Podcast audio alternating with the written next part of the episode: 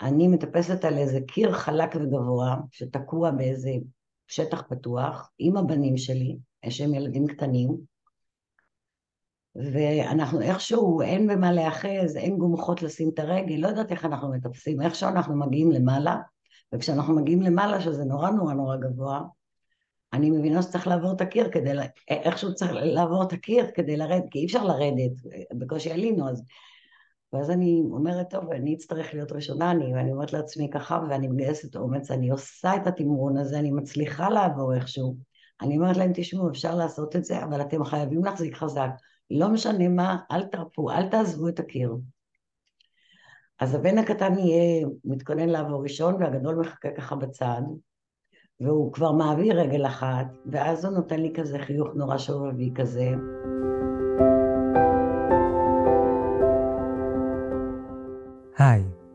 אני ניר קראוזה, ואתם איתי בפודקאסט כל המיינדפולנס, שבו אנחנו מפרקים את הסטרס לחתיכות, וממלאים את המרחב בשלווה, שיח מדעי ואורחים מרתקים. הישארו, יהיה מרגיע. שלום לכולם. אני שמח לארח היום בפודקאסט כל המיינדפולנס את אה, אסתי פישר היים. אסתי הוציאה לאחרונה ספר בשם Dreams is Second Chance, חלומות כהזדמנות שנייה, וזו הזדמנות לדבר קצת על חלומות. אני אגיד שחלומות זה אחד הנושאים שאני הכי פחות מבין בו. אה, נתקלתי בזה כמובן לאורך הדרך שלי, אבל אה, זה באמת אחד הנושאים שאני פחות מבין בו, אז גם אני מאוד סקרן לשמוע ממך על אה, חלומות ו, ודרך לפרש חלומות ו, ומה המשמעות שלהם בכלל. אז תודה שהגעת, אסתי.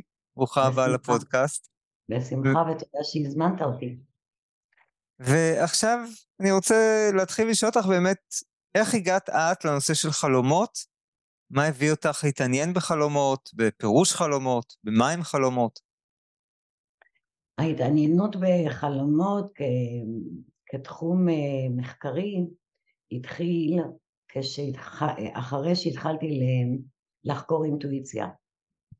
אז גם אתה בטח יודע שאני הוצאתי ספר על אינטואיציה ב-2004, את החקר הזה התחלתי עוד ב-99, 98, עוד גם הרבה שנים לפני זה אינטואיציה עניינה אותי, אבל ממש ממש לחקור התחלתי ב-98, 9, 9 כזה.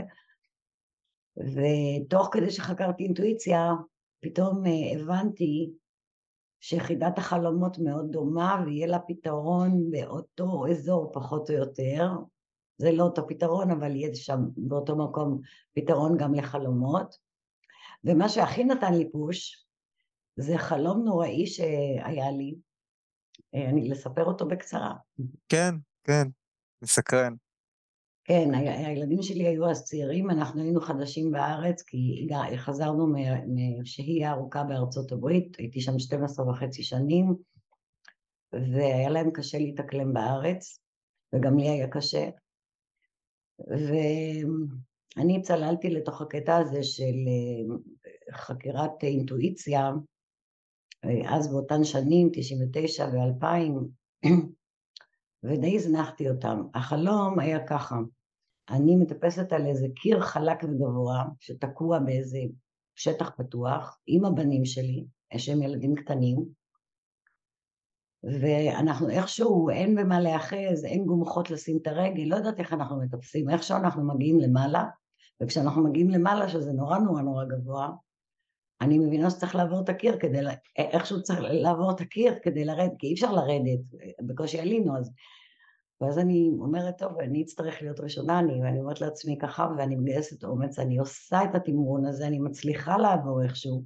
אני אומרת להם, תשמעו, אפשר לעשות את זה, אבל אתם חייבים להחזיק חזק. לא משנה מה, אל תרפו, אל תעזבו את הקיר. אז הבן הקטן יהיה מתכונן לעבור ראשון, והגדול מחכה ככה בצד, והוא כבר מעביר רגל אחת, ואז הוא נותן לי כזה חיוך נורא שובבי כזה, מניף את הידיים שלו למעלה וצונח למטה לתהום. וואו. ואני התעוררתי, מה זה מבועטת? בהיסטריה, וניסיתי לחשוב אם זה עונש, על זה שאני לא מתמסרת, מה זה, מה זה החלום הזה, מה הוא בעצם מנבא, מה הוא רוצה להגיד, והיה לו חיוך שובב כזה, וזה היה חלום כזה חי. יש חלומות כאלה שאתה, כן, עם חיים כאלה. כן, אני שומע שממש התעוררת ממנו, זאת אומרת, יש כן. חלומות שאנחנו לפעמים בבוקר נזכרים מה היה. לא, הוא העיר אותי, אני הייתי מבועטת לחלוטין, ודבר ראשון הלכתי, אמרתי לעצמי, לא, לא זכרתי בכלל שיש לי איזה תיאוריה על חלומות, שיש לי מחשבות על זה. חיפשתי בפרויד ואמרתי יונג ואמרתי, אמרתי בוא נראה בגשטלט והסתכלתי, מה יכול להיות פתרון החלום ולא מצאתי, ואז אמרתי בוא נלך לרגע לתיאוריה שלי, אה, שהיא מאוד פשוטה יחסית, היא אומרת שהחלום בסך הכל הוא לא מזהיר והוא לא מנבא, הוא רק מראה מחשבה. הוא משקף בעצם את החוויה שלי. זאת אומרת, החלום משקף את החוויה שלי. משקף חוויה, אבל מאחורי החוויה יש מחשבה, איזה רעיון. אז מה יכול היה להיות הרעיון? מה, שאני הורגת את הבן שלי? מה? ופיצחתי את זה. זה, היה, זה לא היה קל, וזה לקח, עד שהגעתי לתיאוריה שלי, לקח כמה ימים, כי הייתי, בימים הראשונים לא יכולתי לחשוב בצלילות. אבל כשהגעתי לזה, אז הבנתי שבעצם המחשבה שהייתה לי בראש, הייתה לי, כמו שאתה אומר, חוויה ש... שאולי אני מסכנת את הילדים שלי. Mm. ואני יוצאת לזה הרפתקה מטורפת, גוררת אותם איתי לטפס, כי זה מה שאני רציתי לעשות. ואולי אני מסכנת אותם, ואז נזכרתי שבאימוני גדנ"ע, אתה זוכר בגדנ"ע, אני לא יודעת אם אצלכם היה את זה, לנו היה לעבור קיר. אוקיי. Okay. היינו צריכים לעבור קיר, ואתה, זה קיר חלק, אומנם הוא לא גבוה כל כך, כמו בחלום, אבל גם אין במה לתפוס, אין מה להאחז, אין מי שיעזור לך, יעשה לך סולם אה, גנבים או משהו. אתה אמור לקפוץ אליו, לרוץ אליו ולעבור. אז קודם כל לא הצלחתי אז בזמנו, וחשבתי לעצמי שזאת משימה מטורפת. ולמה נותנים לי לעשות כזה דבר, ולמה שבצבא ייתנו לי לעשות כזה דבר. וזה נשאר לי בדימוי בראש בתור חוויה מטורפת, בתור התנסות גם מטורפת, מסוכנת, לא, מלמד טובות, לא משהו הגיוני. וזה הקיר הזה שבחלום, זה הקיר הזה שאצלי בראש הוא מצטייר כהרפתקה בלתי הגיונית, או משימה בלתי הגיונית, וגם מסוכנת, ואני באמת, באותם, אני חיברתי את זה אחר כך לחיים שלי, אני באמת, היה, היה פסיכיאטר שהייתי איתו בקשר והרמתי לו טלפון איזה יום ככה בידידות, אמרתי לו תגיד, יכול להיות שאני קצת פסיכית, שאני משוגעת, אני עזבתי את העבודה ואני כולי מתמסרת לחקר אינטואיציה הזה, ואולי אני לא נורמלית, הוא אומר, זה מה שאת רוצה לעשות? אמרתי לו, זה מה שאני רוצה לעשות. הוא אומר, זאת נורמלית מאוד. אבל היו לי ספקות כל הזמן, אם אני עושה בסדר. אימא לשני ילדים, זאת אומרת, הייתי הורה יחידנית, ו...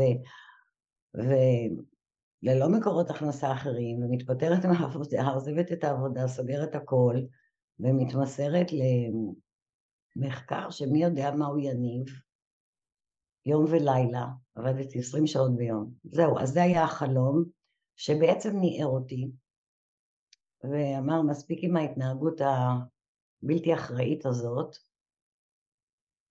שלא יקרה איזה אסון, תתמסרי לילדים, תמצאי איזה איזון מסוים, והבנתי מזה שחלומות הם בעצם יכולים לתת לי המון כוח. כי זה מיישר אותי וזה נותן לי את המסלול הנכון איך להתנהל. אז לקח מפה בעצם את המסר של תמצאי איזון, כן. איזושהי הבנה של... שאני בתוך תוכי מרגישה שאני בעצם מזניחה את הילדים, כן. ואני צריכה למצוא איזון, ו... ו... ואיזון גם ביחס לביטחון, אני שומע. גם איזון ביחס לביטחון, וגם איזון ביחס להשקעה בילדים, והזמן עם הילדים, והטיפול בילדים. דייקת, בדיוק. כן, גם איך לחלק את הזמן שלי, לא לשקוע כולי לתוך המשימה המטורפת, אבל זאת אומרת, זה לא שלא שהפסקתי אה, להישאב, אבל בכל זאת הייתי קצת יותר ערה למה קורה, וגם לשים לב אליהם. אוקיי. אז בעצם בואי ניקח מתוך הסיפור והחלום הזה, מה זה בעצם חלומות? למה אנחנו חולמים? מה, מה התובנות שלך? תבחר כן. שאלה אחת. אז בואי נתחיל ממה זה חלום. בתפיסה שלך. כן, אה, אז חלום, אה, בעצם אני חושבת, חלום הוא נולד פעמיים, אוקיי? באופן מסוים אפילו שלוש פעמים. הפעם הראשונה שחלום נולד, המקור, זה בשעות הערות כשאנחנו בחלימה בהקיץ. אז זה לא סתם שיש קשר, בין חלימה לחלימה בלילה, בין חלימה בהקיץ לחלימה בשינה. גם באנגלית אומרים Daydreaming ו-Dreaming. Daydreaming זה הביום. תוך כדי שאנחנו חולמים בהקיץ, אנחנו לא לגמרי במודעות לכל הדברים שחוטפים לנו בראש. Mm. עכשיו, שמה נולד התוכן של החלומות. והתוכן הזה נרשם במוח למרות שאנחנו לא מתייחסים אליו או לא זוכרים אותו אפילו, אם, אם אתה מערער ככה ומישהו פתאום מפריע לך, אתה אפילו לא זוכר על מה ערערת. כי זה חולף כזה בראש במהירות בלי תשומת לב. אבל זה בדיוק החומר של החלומות. אף פעם אנחנו לא נחלום על משהו מאוד ברור ומובן שכן חשבנו עליו. אף פעם. אין חלום של בן אדם, mm. לא חושבים על איך אני חותך עגבנייה, או סתם איך אני נוהג יפה בכביש. תמיד זה משהו אחר. אה, אנחנו חושבים על דברים שהם מהרהורים, לא ממחשבות. יש הבדל בין שני הדברים האלה. עכשיו, בלילה הראש חייב להתנקות, כי אחרת איך נקום בבוקר עם ראש נקי וצלול? אז המוח מוחק את כל ההרהורים, מחשבות הוא לא מוחק, הוא שומר אותנו, כי אם למדתי חומר אז הוא לא ימחק לי אותו.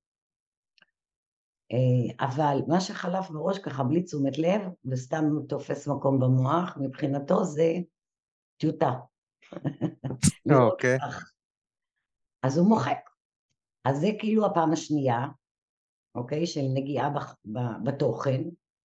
הראשונה היא בחלימה בהקיץ, השנייה היא כשהמוח מנקה את הדברים, הוא חייב לגעת בהם, והפעם השלישית, שהיא המשמעותית, היא כשמתעוררים וזוכרים משהו מהחלימה.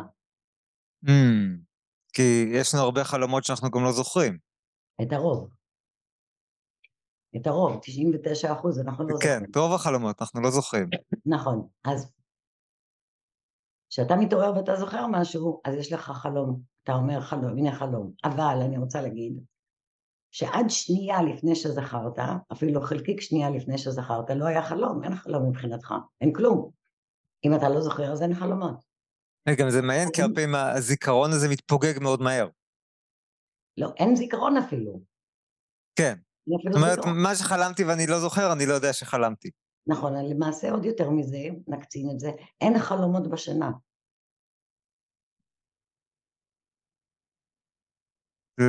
באיזה מובן? במובן שאני לא מודע אליהם. שאין אין, לי... לא, אין, לא, אין חלומות. אין חלומות. אתה ישן, אין חלומות. מה שכן יש, יש חלימה. אז מה ההבדל בין חלומות לחלימה? חלום זה משהו שאני זוכרת שקרה, אני עולה על הקיר עם הבנים שלי, זה חלום, זה סיפור. בשינה אין, אין חלום, אין סיפורים, פשוט המוח מנקה את מה שהוא מוצא, מנקה, מוחק את זה. תוך כדי שהוא מוחק את זה, אנחנו עלולים, הוא עלול להעיר אותנו עם חלום, בגלל שיש חלומות אה, רגשיים מאוד או טעונים, אבל אין, חל... אין מי שיחלום, זאת אומרת, בשביל, בשביל להגיד את המילה חלום צריך להיות בן אדם ער. רק בן אדם ער יכול להגיד, יש לי חלום. אז יש... בעצם מפרידה בין חלום, שזה אותו חלום שאנחנו זוכרים, לבין תהליך החלימה, שזה תהליך שבו כל מיני דימויים עוברים לנו במוח, אבל בעצם אם אנחנו לא זוכרים שום דבר מזה אחר כך, אנחנו לא יודעים. נכון, והם גם לא עוברים במוח. זה גם, זה גם לא תיאור מדויק, אז בואו, אני אולי אצייר את זה. פעילות, פעילות מוחית שבאה לידי ביטוי כן. בהפעלה של כל מיני כן. אזורים אה, אה, שקשורים הרבה פעמים לאירועי היומיום. ש... ההפעלה היא גם, היא מסוג אחד מאוד ספציפי, זאת הפעלה למטרת מחיקה. אין שום הפעלה אחרת. זה מעניין מה שאת אומרת, כי מה שאני מכיר, אה, שאחת המשמעויות של חלימה זה עיבוד רגשי. כי בעצם כן, כשאנחנו ישנים, לא, האמיגדלה, האמיגדלה, אותו אזור שאחראי למתח ועוררות, היא אה, מושתקת, ואז הרבה פעמים בשינה אנחנו יכולים לחוות את אותו אירוע בלי התגובה הרגשית המאוד אה, חזקה, וזה מאפשר איזשהו עיבוד רגשי פנימי לחוויות באמת מהיום-יום, לקונפליקטים, לדברים ש, שנוכחים בחיים שלי. אה, ואני אפילו זוכר כשקראתי מחקר שדיבר על זה שאנשים שחולמים הם אה, אה, בריאים יותר נפשית. זאת אומרת, אנשים שבאמת... נכון, המסקנה נכונה, כל התיאור לפני זה הוא לא מדויק. המסקנה נכונה. נכונה.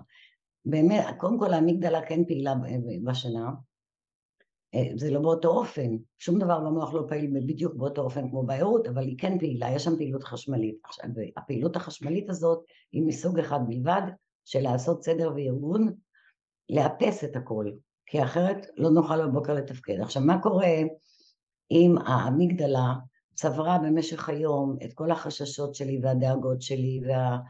והטרדות שלי, שזה בעצם תוכן החלומות, חששות ודאגות, צברה, צברה, צברה, צברה כל היום, ואם לא, זה לא יתנקה בלילה, אם זה לא יימחק, אני אקום בבוקר מותשת ובלי כוחות נפש.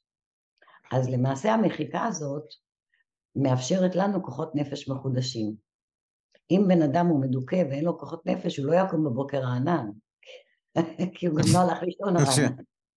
זאת אומרת, אבל בן אדם רגיל, נניח הוא מתחיל את היום שלו בשיא המרץ, ובמשך היום קוראים לו כל מיני דברים טובים רעים, אחרי שנה טובה הוא קם רענן וחדש. זה בזכות שהמוח התאפס.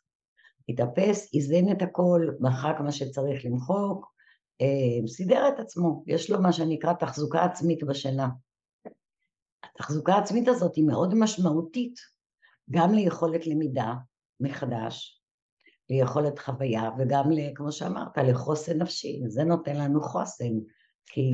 אחד התהליכים, נגיד, החשובים שקורים במוח בזמן הלילה, זה, זה גם מעבר מזיכרון קצר טווח לזיכרון ארוך טווח. יש רואים מחקרים שמראים שאם אנחנו רוצים ללמוד משהו, כשאנחנו לומדים משהו ואחרי זה ישנים, אז הזיכרון לטווח ארוך הוא הרבה יותר uh, טוב ואיכותי. Uh, כך שבעצם לא, באמת... אני לא מומחית. אני לא מומחית לזיכרון, אבל יש בזה גם חלק שהוא נכון וחלק שהוא אגדה.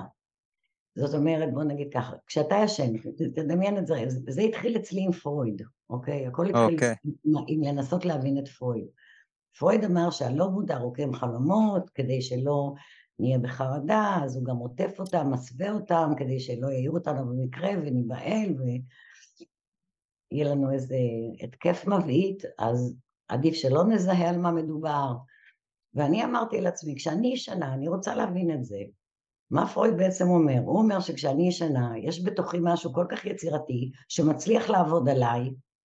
אני בבוקר מתעוררת, תקשיב, אני אוכלת עשרים עפרונות, גומרת אותם בשיניים, כדי לנסות לכתוב ארבע שורות קריאטיביות, יצירתיות. והמוח שלי בלילה, אני ישנה כל כך יצירתי, ממציא כל מיני, זה לא הגיוני הסיפור הזה, ומי זה הגמד הזה, מה זה? ואז הגעתי למסקנה שיש פה אגדה, והסבר לא מדויק, וחיפשתי מה ההסבר הנכון.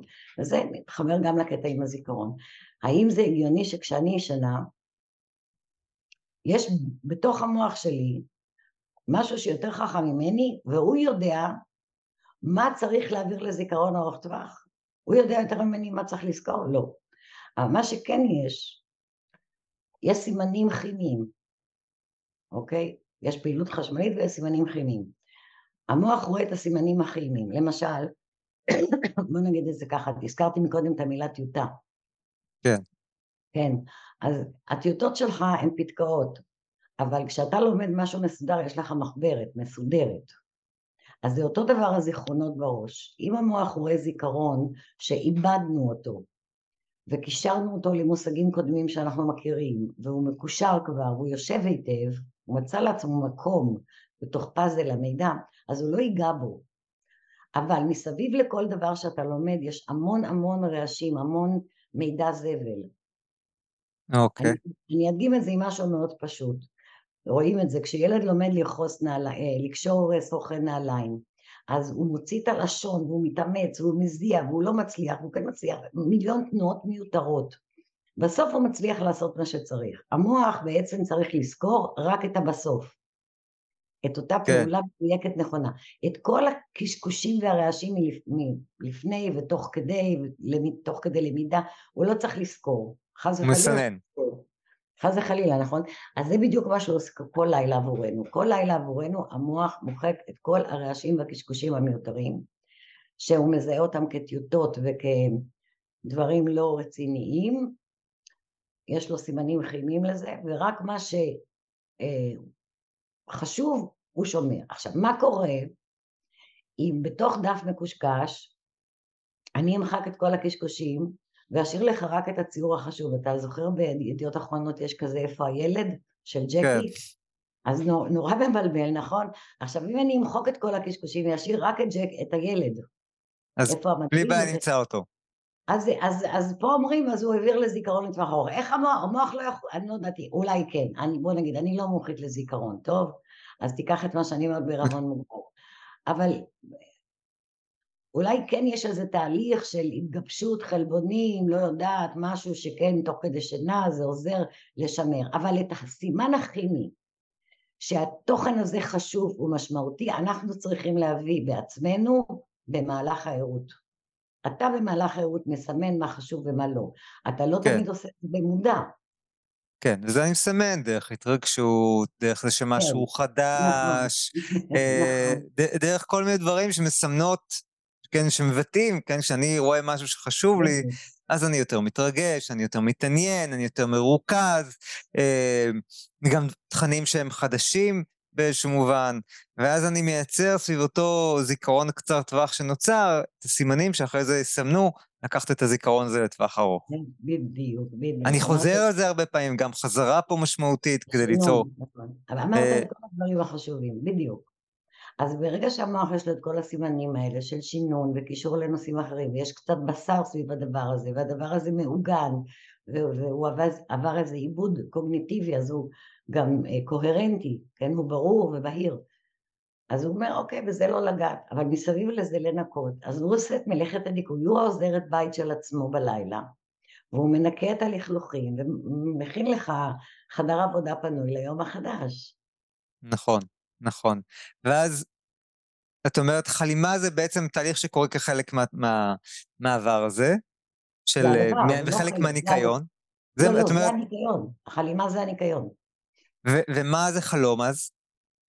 אוקיי, אז עכשיו אני אסביר את העניין של החלום. גם... עכשיו נחזור לסיפור של ג'קי, איפה הילד. נניח שג'קי עשה קו אחד, אה, ברח לו איזה קו מיותר שהוא רוצה למחוק אותו, כן? הוא לא יכול, כשהוא מצייר, הוא לא יכול למחוק את הקו בלי לגעת בו. חייב לגעת בו. גם okay. אוקיי. במחשב, אם אתה רוצה למחוק אחורה אותיות, אתה צריך לחזור, אתה צריך, אתה, יש לזה נגיעה חזרה. אז מה שקורה כשהמוח מוחק טיוטות כאלה, כל מיני זיכרונות ורשמים והרהורים והתרגשויות וחוויות ודאגות וחששות, ש... דאגות שעברו לא במודע לגמרי, כדי למחוק אותם הוא חייב לגעת בהם, הוא לא יכול, מה, בעצם החומרים האלה נמצאים במוח בצורה של קשרים בין תאים, קשרים סינפטיים. כן. הוא צריך לגעת בכל תא שהוא רוצה לפרק, בכל קשר תאי כזה שהוא רוצה לפרק. עכשיו, בגלל שהוא נוגע בזה, אז הוא מאיר את זה להרף עין. כשאני אומרת לך הרף עין, זה יכול להיות ביליונית השנייה. לא מיליון, מיל, לא מיליונית, ביליונית השנייה. אוקיי. Okay. זה משך זמן שאנחנו לא יכולים לתפוס בכלל, אוקיי? זאת מהירות פעולת המוח, אבל הוא נוגע לחלקיק שנייה קטן, ולפעמים זה חומר כל כך טעון רגשית, שזה שוב מקפיץ לך את הלחץ דם. אמנם רק לשבריר, אבל זה יכול להעיר אותך. זה יכול לגרום לך להתעורר, במיוחד אם זה חלום מאוד רע, כן, זה יכול לגרום לזה. ולכן החלום הוא רק נולד מהרגע שאנחנו מתעוררים. אם האדם ממשיך לישון, אין חלומות עדיין, יש פעולת חלימה. כלומר, חלום הוא אותו אירוע שהיה, שקרה את, אתמול, והיה כל, או ביום שלפני השנה, כן. והיה כל כך משמעותי רגשית, שהוא הביא להתעוררות, ולזה ש... ואז אנחנו זוכרים את החלום. נכון. נכון, בדיוק. אוקיי. והחלום בבוקר? כי אנחנו לפעמים גם זוכרים את החלום האחרון מהבוקר. זוכרים משהו. זוכרים משהו. ואת אומרת כן. אותו, אם אנחנו מדברים על החלומות המשמעותיים, אלה שבאמת, כמו שאמרת, שהתעוררתי בבעתה בלילה, אז זה כי היה שם זיכרון ש, שהיה כל כך uh, עוצמתי רגשית, שהוא יצר את העוררות הזאת. זה יכול להיות זה, זה יכול להיות צירוף של כל מיני דברים, זה יכול להיות uh, רמת העייפות שהייתה לי באותו, באותו לילה, זה יכול להיות דברים שהיו סביבי, אם השינה הייתה יותר עמוקה או פחות, השינה היא לא בלוק, היא לא אה, כל הזמן באותו עומק ובאותה עוצמה, uh, החושים שלנו די מנוטרלים, אבל הם לא מתים, הם לא אטומים לחלוטין, אז זה יכול להיות אוסף של דברים, הרגישות אישית שלך לכל מיני דברים, זה גם תלוי מתי חלמת, אם זה היה באמצע הלילה או לקראת יותר הבוקר. אמ, כן, זה... אוקיי, ומתוך התובנה הזאת בעצם, אז איך אפשר להשתמש בחלומות ככלי אה, להתפתחות שלנו, אה, כלי להצלחה? זה מה שככה היום את מאוד עוזרת, עוזרת לאנשים להגיע להצלחה, אז איך אפשר להשתמש בחלומות ככלי להצלחה, ואיך אפשר לפרש אותם בדרך מיטיבה? כן, אז זה, באמת, זו שאלה ממש עמוקה ומעניינת. ברגע שאנחנו מבינים שהחלומות שלנו מציגים לנו אמת פנימית שלנו. אמת פנימית שלא התייחסנו אליה, או. לא התייחסנו אה, לעומק. אז אה, אנחנו מקבלים מעין צילום רנטגן. כל חלום כמו צילום רנטגן של איזה רגע מיום אתמול. רגע אמיתי מיום אתמול. איזה חשש שניכר בי, איזה דאגה שעלתה לי לראש, ספקות עצמיים, יש הרבה בחלומות ספקות עצמיים. רוב החלומות, דרך אגב, הנושא המשותף לרוב החלומות, לא לכולם, לחלק גדול מהם, זה תסכול. אז זאת אומרת, מצד אחד אמרת קודם הרבה חששות וחרדות ותסכול. כן, אבל החשש הוא חלק מתוכן החלום, אבל החשש הוא כאילו תוכן החלום, אבל הרגש או החוויה הכי בולט מבחינה חווייתית, הדבר הכי בולט זה תסכול. תסכול. עכשיו, אה, ברגע שאנחנו מצליחים לפענח חלום בצורה המדויקת שלו, של מה בדיוק הוא מראה שאני חוויתי, את, חשבתי עליו אתמול או חוויתי אתמול, איזה ערעור חלף לי בראש, זה, זה כמו שמישהו מדליק לך פנס פתאום על פינה חשוכה, ואתה פתאום יכול לטפל בה. אין לנו דרך לדעת מה שאנחנו לא יודעים. פרויד מאוד רצה לדעת מה שאנחנו לא יודעים, אז הוא אה, פיתח את התיאוריה המדהימה של הפסיכואנליזה. אז באמת, מי שהולך לפסיכואנליזה, במאמץ רב, בהרבה שנים, בהרבה כסף, יגלה המון דברים מדהימים על עצמו שהוא לא יודע אחרת.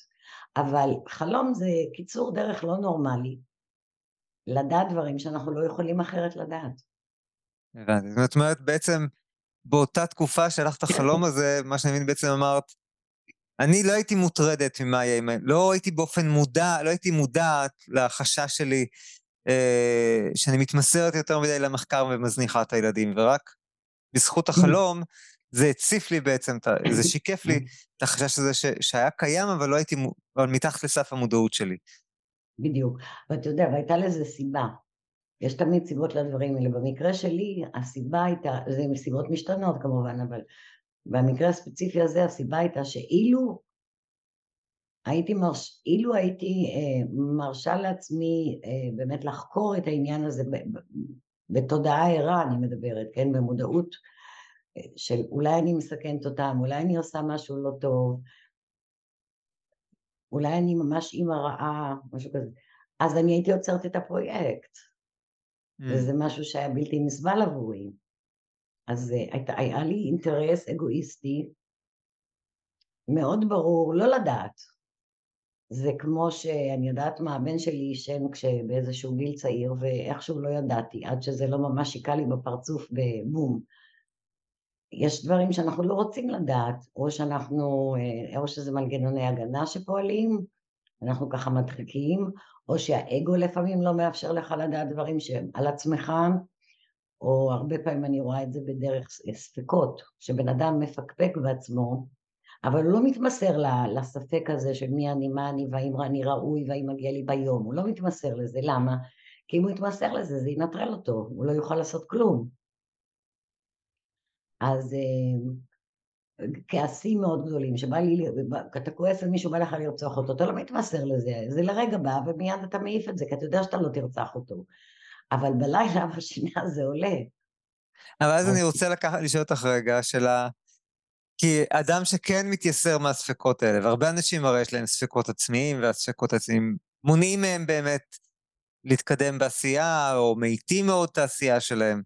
ואז אדם כזה לא יחלום את הספקות העצמיים ב- בלילה? או שגם הוא יחלום? בוודאי שכן, זה בדיוק הנקודה. ש... זאת הוא כן מודע לזה, מישהו שהוא כן מודע לספקות העצמיים שלו, זה לא שהם לא, לא מודעים, אלא ההפך, הם, הם, הם כל כך מודעים שהם משתקים.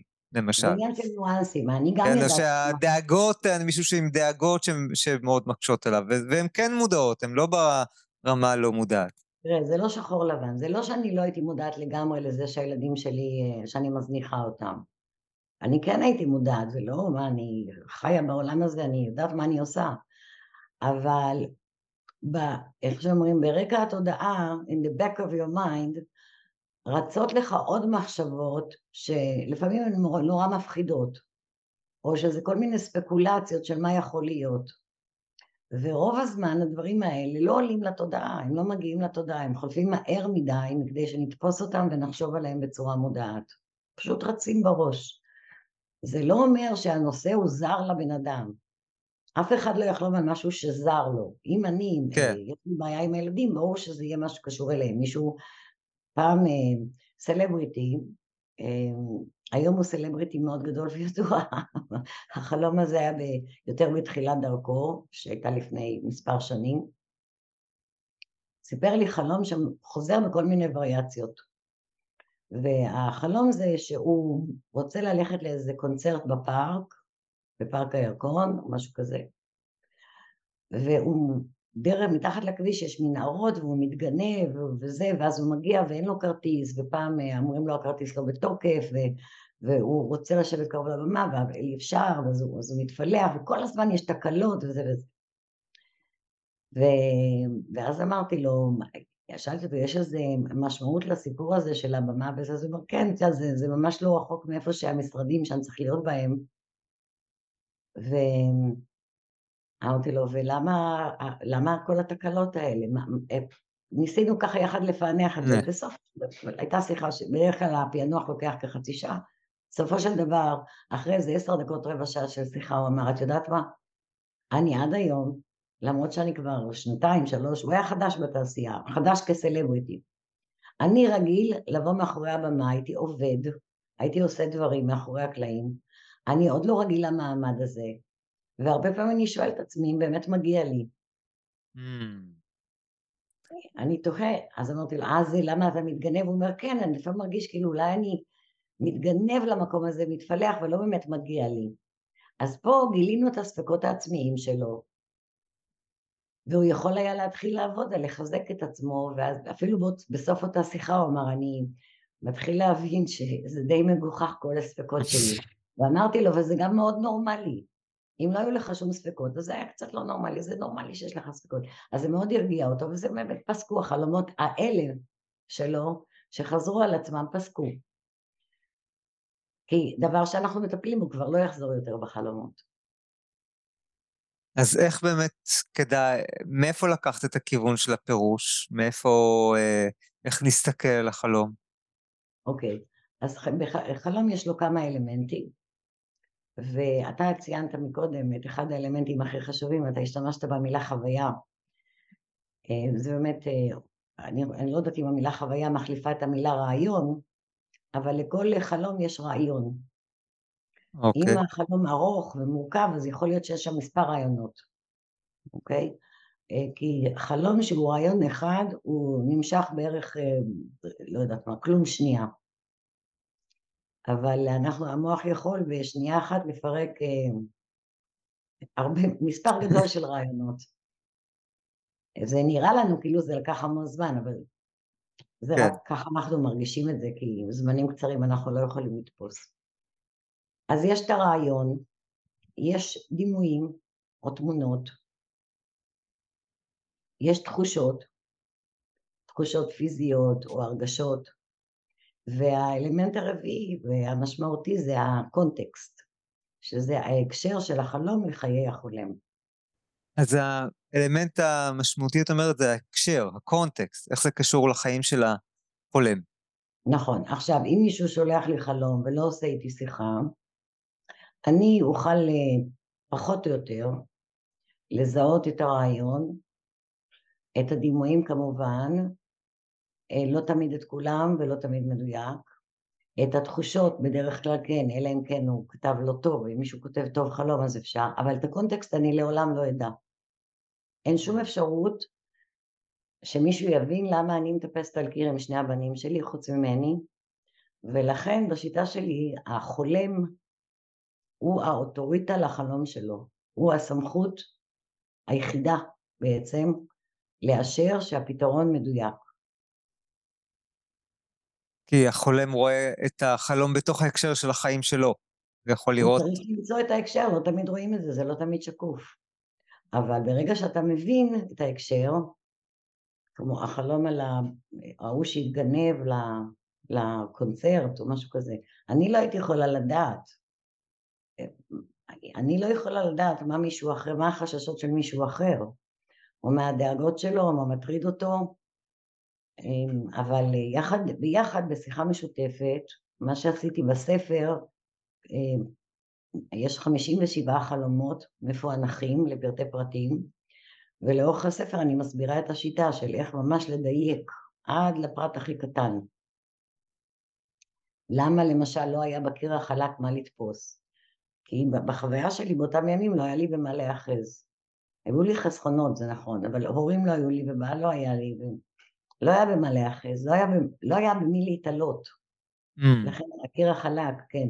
אפשר לפרש לפרטי פרטים, אבל uh, השיטה הזאת, היא, היא דורשת קצת uh, ללמוד את זה, ובסך הכל היא די פשוטה, יש לה עשר, עשר, uh, עשר שאלות או עשרה צעדים,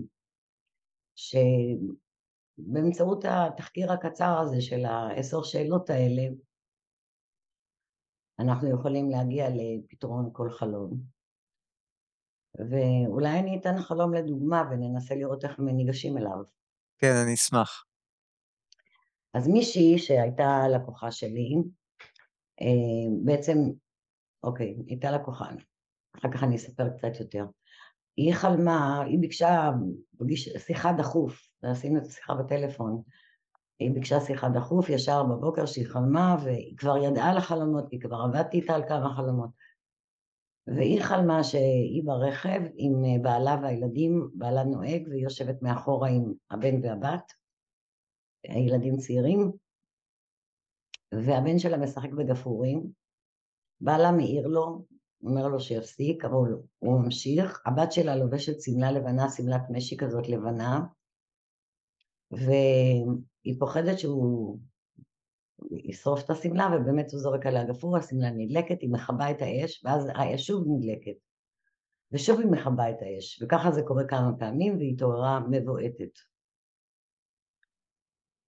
ואז היא אמרה, אני, חלקים מסוימים כן אני מזהה בחלום, כמו שאת אמרת, שהחלום לא זר לנו, אני מזהה שזה חלום שלי, בעלי, הילדים, אבל לבת שלי אין שמלה לבנה, אני אף פעם לא יושבת מאחורה, אני תמיד מקדימה עם בעלי והילדים מאחור.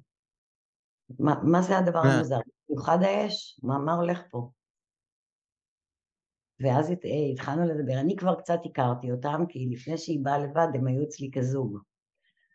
היא כבר קצת הכרתי אותה, עזרתי לה אה, להתחיל לפצח את הדברים, ובאיזשהו שלב היא אמרה, תראי, את יודעת מה אני חושבת על בעלי, שהוא לא שותף בגידול הילדים, הוא ענן, וואלה. אוקיי, אתה אומר, אמ, כי מה הבנת? בגלל זה הוא ישב לבד מקדימה, יש שם אחורה, כי הוא הנהג, הוא לא שותף, ואז האחריות על הילדים היא עליי. נכון. עכשיו אני, בגלל שהכרתי אותה היטב את סיפור, את סיפור חייהם ואת הבעיה שלהם, אז אני יכולתי במקרה הספציפי הזה להבין את זה לבד, אבל אם מישהו היה שולח לי את החלום, אני לא מכירה את הסיפור שלהם, איפה אני יודעת למה הוא יושב לבד קדימה? אולי הוא תמיד יושב ככה לבד. אתה מבין? ההקשר פה במקרה הזה היה שהיא רואה אותו כהנהג. אז היא, אמרתי לה, מה קרה אתמול? אז היא אמרה, מה שקרה זה היה יום חופש מבית ספר, ל"ג בעומר או איזה חג אחר. הוא אמר, בואי ניקח את הילדים לטיול. אה, בואי ניקח את הילדים לטיול. ונסענו, וכל הדרך, הם, כאילו, הם רבים ביניהם, אני כל הזמן צריכה לעשות שקט ושלום ולהרגיע, והוא בענייניו, מדי פעם זורק איזה הרע, אבל הוא בענייניו. אז אני אומרת לה, ומה זה הגפרורים והאש? היא אומרת, הגפרורים אני לא יודעת, אבל אש. היא אומרת, את יודעת מה? אני כל הזמן מכבה שרפות, זה מה שאני עושה. Mm. כל החיים שלי, זה מה שאני עושה, מכבה שרפה, מכבה נדלקת עוד פעם, מכבה. הוא לא עושה כלום. אז כאילו, צ'אק פיצחה את החלום. ואז כשהיא הבינה שזה הפיצוח, אז מה, איך זה קידם אותה? ואז אמרתי לה, ולמה את uh, מרגישה שאת לבד במערכה? מכבה שרפות. זאת אומרת, אני לא רוצה להגיד לו. אמרתי לו, זה גם היה בשיחות בינינו שאת לא רצית להגיד כל מיני, כל מיני דברים. אז היא אמרה, נכון, אני לא אוהבת להתעמת. אמרתי לה, מה את אומרת עכשיו? היא אמרה, תראי, אני אספר לו את החלום, ונראה מה הוא יגיד. אמרתי לה, אני יודעת מה הוא יגיד. הוא יגיד למה את לא משתפת אותי או מתייעצת איתי. היא אמרה, בוא נראה. סיפרה לו את החלום, הוא אמר, את לא צריכה לחוות דבר כזה, רק תגידי לי שאת רוצה עזרה. את בדרך כלל מוציאה אותי מכל עניין, ומסתדרת הכל לבד, את קברניט של הבית, ואני רק מפריעה לך. אם את רוצה עזרה, רק תגידי, אני אשמח לעזור. את לא צריכה לכבות לבד שרפות. זה ברור שזה קידם אותה מאוד ברמה החברית והשיתופית. היא למדה הרבה מהחלום הזה. מרשים, יפה. אז זאת אומרת, החלום שיקף לה בעצם את התפקידים ביניהם, וברגע שהיא שיתפה אותו, אז היה אפשר גם לעשות שינוי. נכון, זה לא היה לו נעים לדעת שהיא רואה אותו כהנהג בלבד, אה, כמו מנוכר כזה לכל הסיפור, ויושב בנפרד, והיא במלחמה במאבק. כן, אני גם חושב על זה שאולי חלום זה באיזשהו מובן תוכן כאילו יותר ניטרלי לשתף בן זוג, זה, זה מצד אחד לשתף הכי אינטימי, ומצד שני, זה לא הבחירות המודעות שלי, הסיפורים המודעים שלי, אלא זה החלום שחלמתי. יש בזה משהו שהוא מצד אחד הכי אינטימי, ומצד שני אולי קצת יותר לא מוגן. אני. מצד שני זה לא אני. זה לא לגמרי לא אני, אני, זה לא, זה, זה ברור שזה לא בשליטה שלי. אולי במובן הזה באמת לשתף בחלום יכול אה, דווקא להניע אה, חיבורים, ויכול להיות לפעמים אולי יותר דרך טובה כדי ליצור חיבור וכדי ליצור שיח משמעותי. כן ולא, זה תלוי. ברגע שאתה מבין שזו מחשבה שלך שהייתה לך בראש, כמו שלה זה היה ברור שזה מחשבות שלה שהיו לה בראש, והתחושות שלה, של, שהיא נאבקת לבד בעצם, והתסכול, כן? תשים לב גם שבשלושת החלומות שהזכרתי עד עכשיו היו תסכולים, לי היה תסכול מזה שאני גם צריכה לטפס, גם לוקחת את הילדים, גם בסכנה, גם לא יודעת איך אני אצליח, גם זה. בחלום יהיה פארק יש את התסכול, אני כן אגיע לשם, אבל האם מגיע לי או לא מגיע לי. וגם בחלום שלה היה תסכול. אז ברגע שבן אדם מבין שזו מחשבה שלו, אז בעצם הוא כן, הוא חשוף. הוא לא יכול להתחבא מאחורי שום דבר. אבל אני, בינינו אני אגלה לך, שאם אתה נגיד תרצה עכשיו להתחיל לעבוד אה, על חלומות עם לקוחות, אז אתה צריך לעשות את זה בזהירות ובעדינות, מפני שיש לקוחות שקשה להם להודות באמת הפרטית שלהם. Mm. להכיר באמת הזאת של אני באמת מתוסכל, או אני באמת חסר ביטחון, או אני באמת בתוכי לא מרגיש שמגיע לי, או אני באמת בתוכי נורא נורא נפגעתי, אה, קשה להם. או אני באמת בתוכי יודעת שבעלי בוגד בי, מישהי פעם, החלומות שלה היו כל כך שקופים שעיוור היה מבין אותם, אבל היא לא הצליחה להבין אותם, לא רצתה. אז אה, היה לה קשה להבין שבעצם משהו פה לא בסדר. אז צריך בעדינות ובזהירות לעשות את זה. כן, אני מתאר לעצמי, כי את אומרת, אני... כמו כל פעם שאנחנו אוספים משהו שהוא לא מודע. כל פעם אני חושב שאנחנו חושבים משהו, אוספים משהו שהוא לא מודע לבן אדם, אז צריך להיות uh, בעדינות ובזהירות. נכון, נכון. ובכלל, אה, פתרון החלומות, אה, אני לעולם לא אנסה לדייק, אני לא אצליח, כן? אני לא אנסה כי אני לא אצליח, כן? לפתור חלום של מישהו בלעדיו. אין, אין טעם. אבל אה, כדי לפתור את החלום, אני צריכה את הבן אדם, אני צריכה, ואני צריכה שהוא יזכור מה היה ביום הקודם. כי אנחנו כן. צריכים לקשר את זה לאירוע שהיה זה. אז הרבה אנשים אומרים איך, איך לזכור חלומות, כי הם מתקשים לזכור חלומות. אז אולי נדבר על זה כמה דקות. כן, כן, האמת שזה רעיון טוב, ואני אגיד גם שזה משהו שאני הרבה פעמים חווה, זאת אומרת, אם אני יודע שיהיו חלומות ואני... או שאני זוכר מהם, לא יודע, הבוקר חלמתי חלום, אני זוכר דמות אחת מהחלום. מישהו שעבדתי איתו לפני הרבה שנים, ואין לי מושג למה הדמות הזאת הגיעה דווקא אתמול. אה, אז... אה, אז... אתה רוצה שננסה לראות למה הוא עלה? אה, אפשר? זה חלום שחלמת הלילה? חלום שחלמתי הלילה, בבוקר, ככה, לפני שקמתי, אני מתאר לעצמי, קמתי איתו, אבל אני באמת לא לגמרי זוכר מה היה בחלום. זאת אומרת, אני, אני זוכר משהו עם מקום העבודה הוא שהגעתי לשם, ואני זוכר שראיתי אותו, זה בערך מה שאני זוכר, מאוד מאוד מעורפל לי. אה, אוקיי, והבחור הזה, מה, מה הקשר שלו אליך? אה, הוא היה ראש צוות תוכנה, הוא היה בחור שמאוד מאוד חיבבתי. אה, זה ככה מה שעולה לי. אוקיי. מה היה מיוחד בו או מאפיין?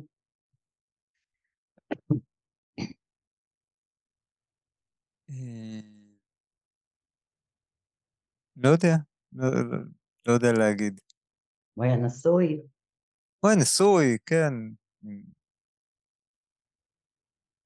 מוצלח, בולט במשהו, אה, אחראי על משהו.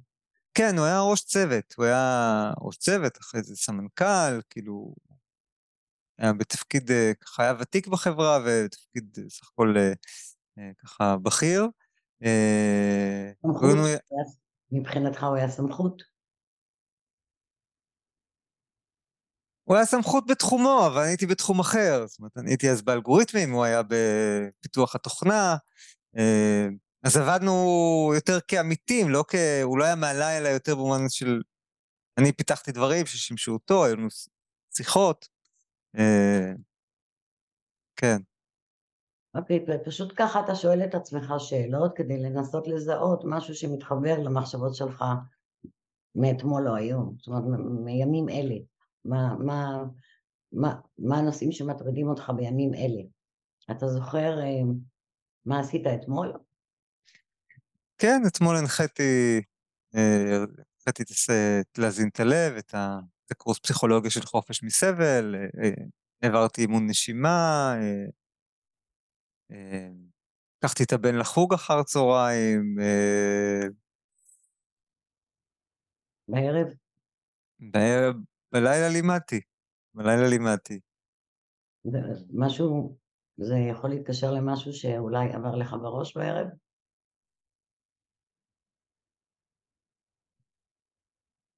לא יודע.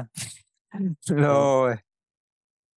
איך קראו לו אולי לפי השם שלו אתה יכול? אה, מיכאל. זה מתחבר למישהו, למיכאל מסוים?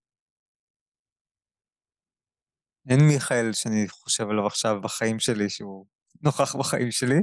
אוקיי, okay, יכול להיות גם משהו אחר, הנה, זאת אומרת, באמת, החקירה היא צריכה להיות מהסוג הזה.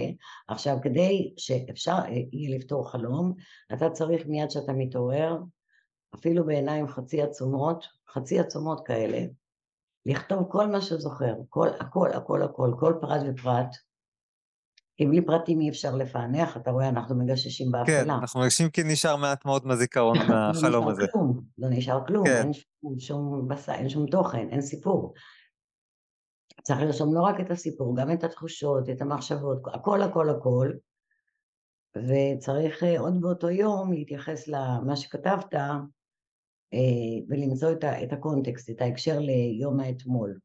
ואז... אז באמת אני רוצה לשאול אותך, זה סוג של מיומנות? זאת אומרת, אנשים שכל יום כותבים את החלום, שהם התעוררו איתו, לאט לאט זוכרים יותר ויותר את החלומות? אני לא, אני לא מכירה, מי, תראה, יש אנשים שחולמים יותר ויש שפחות, אני לא יודעת אם זה משהו שאתה יכול אה, להבטיח לעצמך שכל יום תזכור חלום, אבל אם חשוב לנו לזכור חלומות, אז דבר ראשון אנחנו צריכים לבקש לזכור חלום כשנרדמים. Mm. זאת אומרת, אה, מכיוון שהמוח שומע אותנו, וגם די מציית לנו, אז אנחנו פשוט אה, שותלים את זה בתוכנו ומבקשים להתעורר כשיהיה חלום. אז אני עשיתי את זה כמה פעמים, אבל הפסקתי בגלל שזה היה מעיר אותי גם באמצע הלילה ולא אהבתי את זה. אז אה, ניסיתי לעשות משהו כמו, תעיר אותי עם זה בבוקר. אז זה עבד כמה פעמים, זה לא עובד כל יום, זה לא מכונה, זה לא... כן. זה מדע, מדע האדם אה, אף פעם לא יהיה כמו מדע מכונות כביסה. זה לא יהיה סופר מדויק שכל מעגל אותו מעגל ואין פדיחות. כן, כן, אני מסכים לגמרי. אז, אבל כן, אנחנו יכולים להגיד לעצמנו, אני רוצה לזכור חלום, להכין מראש את הדף והעט ליד המיטה, ולא לעשות שום דבר. ברגע שזוכרים את החלום, ישר לקחת את הדף ולרשום, לא להתעורר לגמרי, אלא לנסות באמת לראות עוד את החלום. ואם עושים את זה, אז האמת שמה שקורה אחרי כמה זמן מתחילים לזכור חלומות, אבל גם זה נראה כל כך מטורף כשזוכרים חלום, אם, כי אם זוכרים אותו טוב, אז יש כל כך הרבה פרטים משונים, mm. משונים ומוזרים, פתאום אתה לוקח את הילד שלך שהוא היום בן 30 על הידיים כאילו תינוק, או פתאום... להיזכר בחלום זה יכול להיות תופעה מאוד מביכה, מבלבלת, והרבה פעמים מצד אחד אני כן יכולה לזהות את עצמי או דמויות אחרות, אבל יכולות להיות שם דמויות שאני לא מכירה, ואזור שאני לא מכירה, ודימויים שאני לא מבינה, ועלילה מוזרה, וזה נראה כמו שטויות, או באמת כאילו מישהו שתה לי את זה בראש. העניין הוא שאין מי שישתול לנו דברים בראש. ובעבודה של כמו, אתה יודע, כמו reverse engineering, אה, איך אומרים את זה בעברית? כן, הנדסה לאחור. ניתוח של החלום, והבנה נכון, איך דברים קשורים, איך הוא קשור לדברים שהיו. נכון. אז בעבודה הזאת אנחנו יכולים לחזור ולשחזר את הערעור המקורי שחלף לי בראש עם התחושה שהייתה לי ברגע של אירוע מסוים שזה אה, העלה את, את המחשבות האלה. אז זו עבודה מסוימת לעשות. אתה שאלת אם זאת מיומנות? כן, ככל שאתה תפתור יותר חלומות, אז צ'יק צ'אק אתה, אתה תכיר כבר את, את אה, שרשרת השאלות, mm. מה לשאול ואיך לעזור. ולפעמים אתה שומע חלום ואתה ישר תדע מה משמעותו, כי אתה כבר מנוסה. כן, כן. אני דווקא שאל... כן. ואני רוצה לשאול אותך, אז תיארת ככה את התיאוריה שלך, מה בעצם מיוחד ומה הייחוד של התיאוריה שלך, של הדרך שלך לפתור חלומות ולהתייחס לחלומות?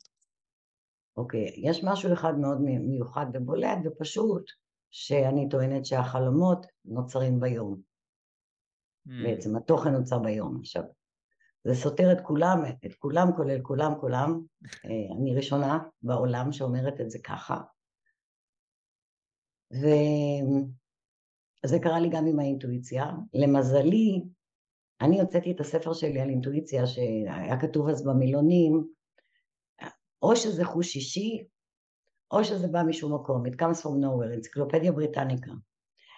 והיום אם תפתח כל מילון, אז אינטואיציה כתוב זאת אה, מערכת חלופית לחשיבה, שזאת ההגדרה שאני נתתי, ולמזלי, שש שנים אחריי, ב-2010, שהספר שלי יצא ב-2004, ב-2010 קדמן הוציא ספר על אינטואיציה וכתב זאת מערכת חלופית לחשיבה. Mm. אז בעקיפין אנשים שאלו אם אני לא כועסת, אמרתי לא, אני לא כועסת, אני שמחה, כי הוא נותן לי גושפנקה, הוא יש לו מעבדות ומיליוני דולרים, מאות מיליארדים, למחקר עם 111 אה, עובדים, אני עשיתי לבד עבודה, הוא נותן לי גושפנקה שהתיאוריה שלי היא נכונה, ואותו דבר עם חלומות. היום אם אתה פותח אה, מילון אנגלית, תכתוב מה זה dreaming, dreams בסדר, זה חלומות, אבל מה זה dreaming? אז ב dreaming הם כותבים לך או שזה חלימה בהקיץ, חלומות ביום, uh-huh. או שזה חלומות שמתרחשים תוך כדי שינה. זה לא נכון. זה כמו ה-comes from nowhere. אינטואיציה לא באה משום מקום, זה עבודה של המוח. גם החלימה זה לא חלומות. חלימה זה תהליך נוירולוגי, ביולוגי, הכרחי. מבחינה אבולוציונית זה הכרחי, יש את זה גם לבעלי חיים. זה מתבטא בשנת ראם שהעפעפיים כן. זזים, לא עפעפיים, גלגלי העיניים זזים מתחת כן, לעפעפיים. rapid eye movement, תנועת עיניים כן, מהירה. בדיוק, בדיוק. אז זה מתבטא בשנת ראם, ויש את זה גם לבעלי חיים, וזה תהליך ביולוגי, אבולוציוני, שאין לו שום קשר לתוכן. הוא לא עוסק בכלל בתוכן. הוא עוסק בקשקושים שצריך למחוק אותם, או בזבל שצריך לזרוק אותו. אז, אז זה משונה קצת, כי מצד אחד להגיד שחלומות הם זבל שהמוח מוחק או טיוטות במילה יותר עדינה, זה כאילו נורא מוריד את החלומות, אבל לא, זה לא. אני יכולה לתת דוגמה קצת קיצונית. כן. אני עוד אחשוב רגע איך להציג אותה. חלומות הם מאוד מאוד משמעותיים מבחינה פסיכולוגית, לנו. מבחינה ביולוגית, נכון, הם נתפסים כקשקושים ורעשים וטיוטות שצריך לזרוק ולמחוק וזה, ולסלק. אבל מבחינה פסיכולוגית התוכן שלהם יקר ערך. הדוגמה שאני יכולה לתת לפסולת אה, יקרת ערך זה ההפרשות של בן אדם. הרופא לוקח הפרשות של בן אדם ומגלה את כל הדברים שהוא צריך כדי לעזור לאותו בן אדם. אני לוקחת חלומות שהן הפרשה מסוימת, מנטלית. תוצר של תהליך ניקוי במוח בעצם. נכון, תוצר מנטלי. ואני מתוך זה יכולה לעזור לבן אדם בדרך שהרבה מקצרת את, את התהליך לעומת אם אין חלומות. לקוח שמביא לי חלומות מקצר לעצמו מאוד את התהליך. אז אה, זה ככה... אה, אז זה באמת. מוביל אולי לשאלה הבאה של מה הקשר בין חלומות להצלחה.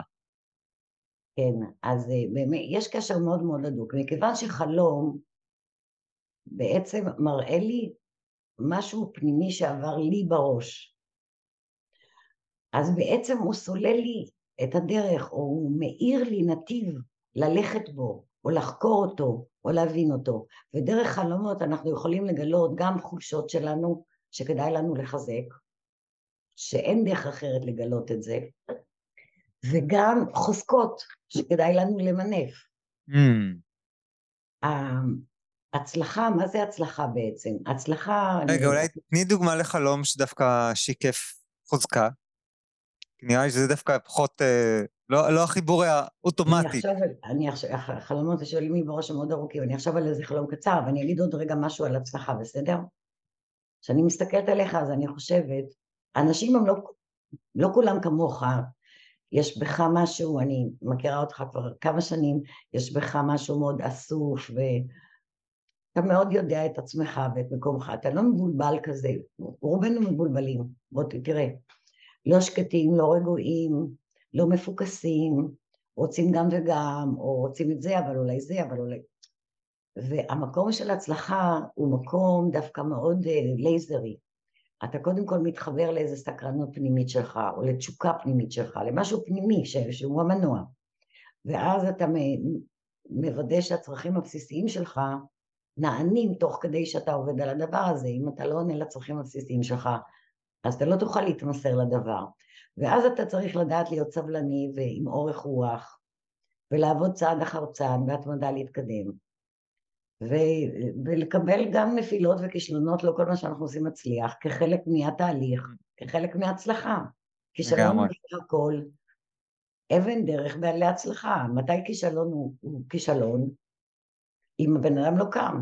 אם הוא מרים ידיים ולא קם. ברגע שהבן אדם קם ומנסה שוב, אני, התיאוריה שלי על חלומות, שכבה לי במגירה 23 שנים, לא הצלחתי להוציא אותה, לא העזתי. כתבתי אותה בצורה כזאת, כסיפור בלשי, ופעם כתבתי אותה בצורה לירית ובצורה... בסופו של דבר, כדי להוציא את זה, אה, התחברתי לפרופסור חמי בן נון, שהוא פרופסור גם לפילוסופיה, גם למשפטים, איש רב אשכולות, באמת איש אשכולות. ובשיחות איתו פרסתי את התיאוריה. אז הספר זה כולו שיחות שלי עם פרופסור חיים במינון, שאני פורסת את התיאוריה. אבל אילו אני הייתי חושבת כל פעם שניסיתי ולא הצלחתי, הייתי רואה את זה ככישלון, אז הייתי נורא מסכנה היום. Mm. אז uh, יש איזה חלום אבל. אבל יכולת, יכולת לראות את זה כשלבים בדרך להצלחה, כדברים שעברת. קיבלתי את זה כמו שאני מקבלת, אה, אתה יודע, לפעמים אני עומדת במדרכה ואוטובוס עובר, יש גשם, הוא משפריץ עליי מהשלולית. נו, אז מה? ומקבלת את זה כמו שפריץ, אין מה לעשות. לפעמים אתה מקבל בוץ לפרצוף, לא קורה, לא מתים מזה. אה, זה, זה, זה הקטע, ואני חושבת שחלומות מאוד מחברים אותנו למקום הזה של זה אני, זה אני, זה מה טוב בי, זה מה פחות טוב בי, זה מה שאני יכול לקדם, זה מה שאני צריך לשים לב, זה מה שבעצם מפריע לי ואני לא אומר, וזה לא טוב שאני לא אומר כי ככה וככה, או אני יותר מדי אה, תוקפן והנה ככה וככה, או אני יותר מדי אה, מתאפק, או יותר מדי סבלני, או פחות מדי... יש את כל העניין הזה של לתעל את האנרגיה שלנו, לכלכל את האנרגיה שלנו בתבונה, זה שיעור שהחלומות מלמדים אותנו. להיות חיוביים, להאמין בעצמנו, זה, זה, זה מה שמוביל אותנו בסוף להצלחה. אפשר לטחון, אפשר לכתוב את זה, אתה יודע, כמו מניפסט, לשלוח לכולם, אבל זה לא יעזור, כי זה סתם מילים. אבל כשאדם עובר את זה על עצמו, דרך החוויות הפנימיות שלו, יש לזה אימפקט מאוד חזק, מאוד משמעותי. וזה יכול ללוות אדם לאורך זמן. מדהים, מדהים. כן.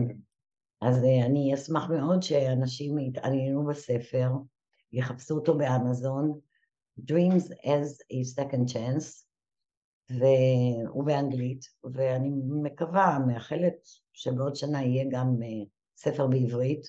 כרגע אה, אני עדיין במנוחת הלוחם. במנוחה של אחרי. אבל...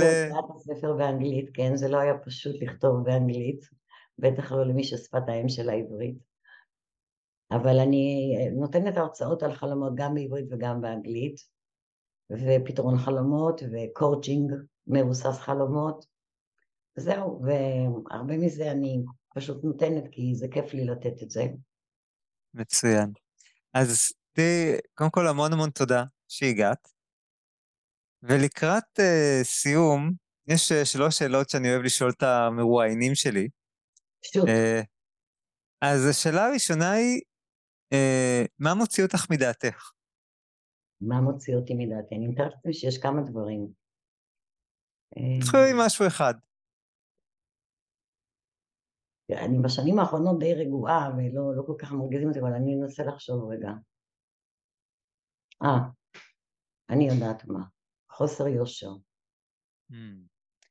וכשאת פה... ש... לא מסתם אדם, אני לא אצא מדעתי מזה אם סתם איזה שקרן, לא מפריע לי, אבל אם מישהו שאני לא מצפה מתנהג בחוסר יושר, אז כן, זה יכול לשגע אותי. זאת מישהו שאני באיזושהי מערכת יחסים איתו, באיזושהי יחסים איתו, ואז הוא מתנהג בחוסר יושר, וכבר אני מכירה אותו והיו לי ציפיות אחרות, ואני חווה חוסר, חוסר יושר, זה משגע אותי. כן, כן. למשל, אה, הייתה לי חברה שידעה שהבן שלי הזה, זה היה לפני הרבה שנים, הוא התחיל ללמוד רפואה, וכל הזמן אמרתי, אני לא רוצה להפריע לו. והיא לא השיגה אותי בטלפון, אז היא הטרידה אותו באיזה עשרים שיחות של איפה אני, ושימצא אותי, וזה הפריע לו, ואני מאוד כעסתי עליה. אמרתי לה, את הלכת מאחורי הגב שלי, את יודעת שאני לא רוצה שתעשי את זה, כי דיברנו על זה כמה פעמים. ואז היא אמרה, לא, אני רק פעם אחת, הוא לא שיקר אותי. הוא אמר לי, תראי, 18 שיחות. אז היא הייתה, היא לא, היא לא, היא רצתה משהו, היא הייתה צריכה משהו, אז היא סובבה את העניינים, אז זה, זה, זה, זה, כן, זה די הרגיז אותי. ואיך את מחזירה את עצמך למוח שלו? היום מאוד בקלות, אבל איך אני עושה את זה? טוב, קודם כל אני אגיד לך מה, יש, יש המון חסרונות להזדקן ולהגיע לגיל מתקדם, המון, אבל יש איזה יתרון, שבגיל, באמת, אני, זה, זה ברצינות אני אומרת, שככל שאתה מזדקן, להתבגר זה לא מספיק, צריך ממש להזדקן, אז מתפתחות פרופורציות אחרות. Mm. כן. אז דברים הם הרבה פחות נוראיים, גם היום, אם היה קורה היום, מה שקרה לפני עשר שנים, אותה בחורה, אני לא יודעת אם הייתי כל כך יוצאת מדעתי, אה, פרופורציות אחרות, דברים נראים אחרת, ממרומי הגיל, אתה יודע, אתה מסתכל על אירוע ואתה מבין שהוא עוד פסיק, בתוך uh, שבוע, חודש, לא יודעת כמה זמן, הוא יתמוסס ככלום. אז לא כל דבר הוא... הרי... להכניס את הדברים לפרופורציה. פרופורציה, זה, זה פרופורציה, הגיל. חשוב מאוד, חשוב מאוד, וזה כלי באמת להסתכל רגע, את אומרת, רגע, אני מסתכל על האירוע הזה בהקשר של שנה, מה, מה אני אזכור ממנו בעוד שנה? בהקשר של שנה, בהקשר של אירוע באמת משמעותי. אף אחד לא מת, אף אחד לא פצוע קשה, אין סכנה, אין... מה, מה קרה? לא, לא, לא לקחו לך את השטיח באמת מתחת לרגליים, יש לך חוויה איומה, אבל להרגיש שאני מת מבושה, אה, מישהי שעולה לבמה והיא מרגישה שהיא הולכת למות מבושה, בסדר, להרגיש שאתה מת מבושה זה לא באמת מוות, בוא, בוא, בוא נתייחס כאילו על הדברים, אז כאילו זה כן, פרופורציות. והשאלה האחרונה, את המון שנים בתחום הזה של לאמן אנשים והתפתחות אישית בעצמך. יש איזה תרגול שאת עושה היום כל יום? לא אימון, אבל אה, נשימות, אני עושה כל יום נשימות, אפילו כל יום. ביום, כל יום. אה, זה לוקח דקה. אני עובדת עם שיטות שלי, אני, אין לי סבלנות לדברים ארוכים, ואף פעם גם לא היה לי זמן להתמסר לזה. אז אני עושה איזה תרגילים שלוקחים דקה או שתיים בסך הכל, אה, וזה ככה מאפס, עושה ריסטארט לכל המערכת. אני כל יום לומדת משהו חדש. Mm. אין, אני לא, אני פשוט לא יכולה, זה, לא יכולה להימנע מזה. זה, זה, זה משהו, זה גלגל שלא מפסיק להסתובב, אני, פשוט אי אפשר לעצור את הגלגל הזה. אז אני כל יום לומדת משהו חדש, לא משנה, משהו, אני חייבת ללמוד משהו חדש, ואם אין, אז אני פשוט נטפלת למשהו לא חשוב. בדיוק אתמול סיפרתי משהו לאחי, ואחר כך אמרתי לו, אני לא יודעת למה אני יודעת את זה. זה היה על פסיקה של רב, על משהו ספציפי. לא, לא לאחי, היה פה ידיד שלי, כן. היה פה ידיד שלי אתמול, ולאחי אה, סיפרתי משהו אחר. אמרתי לו, היום שמעתי אה. פסיקה מעניין של רב, אז אני לא יודעת למה אני לומדת כל יום משהו חדש.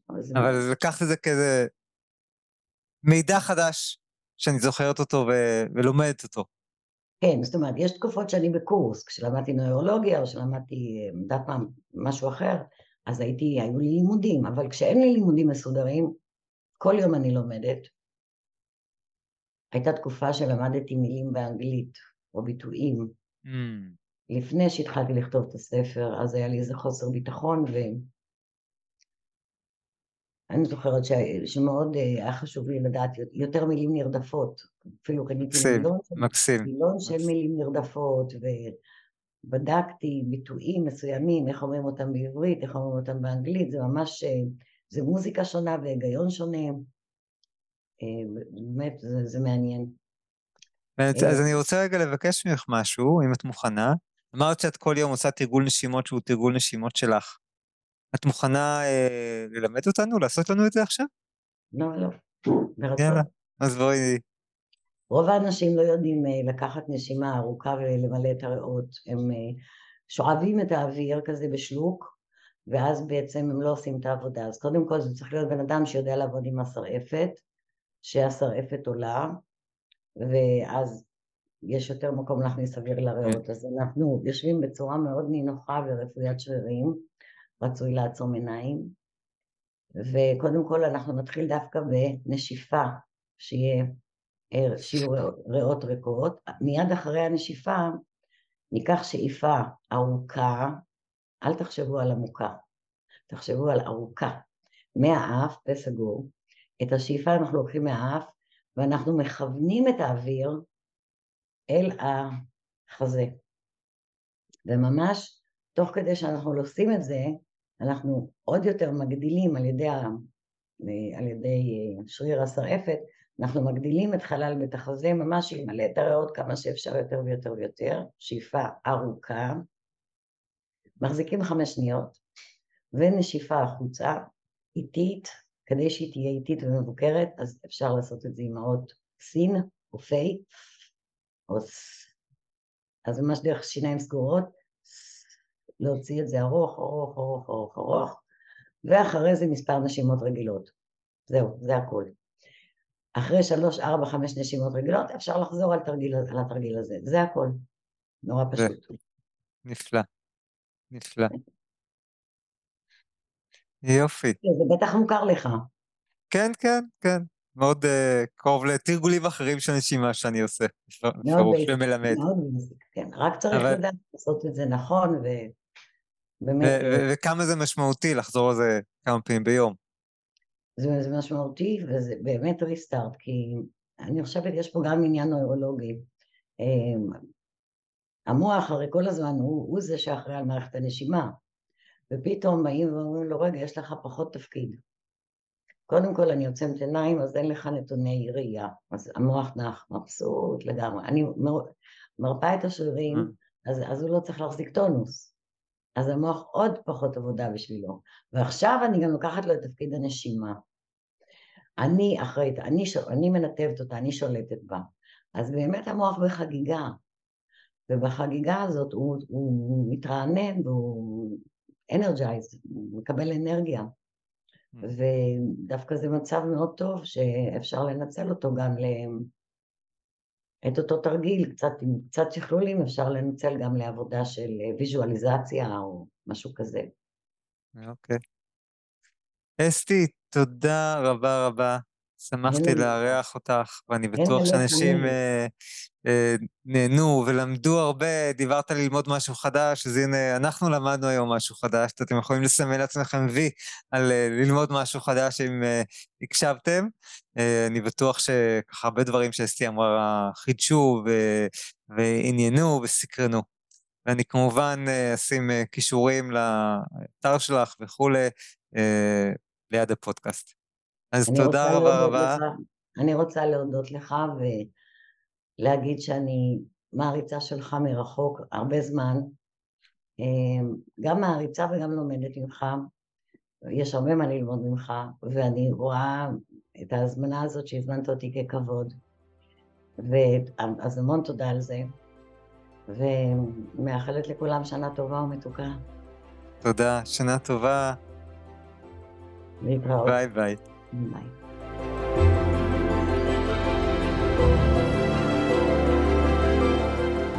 זהו, עד כאן לפרק של היום.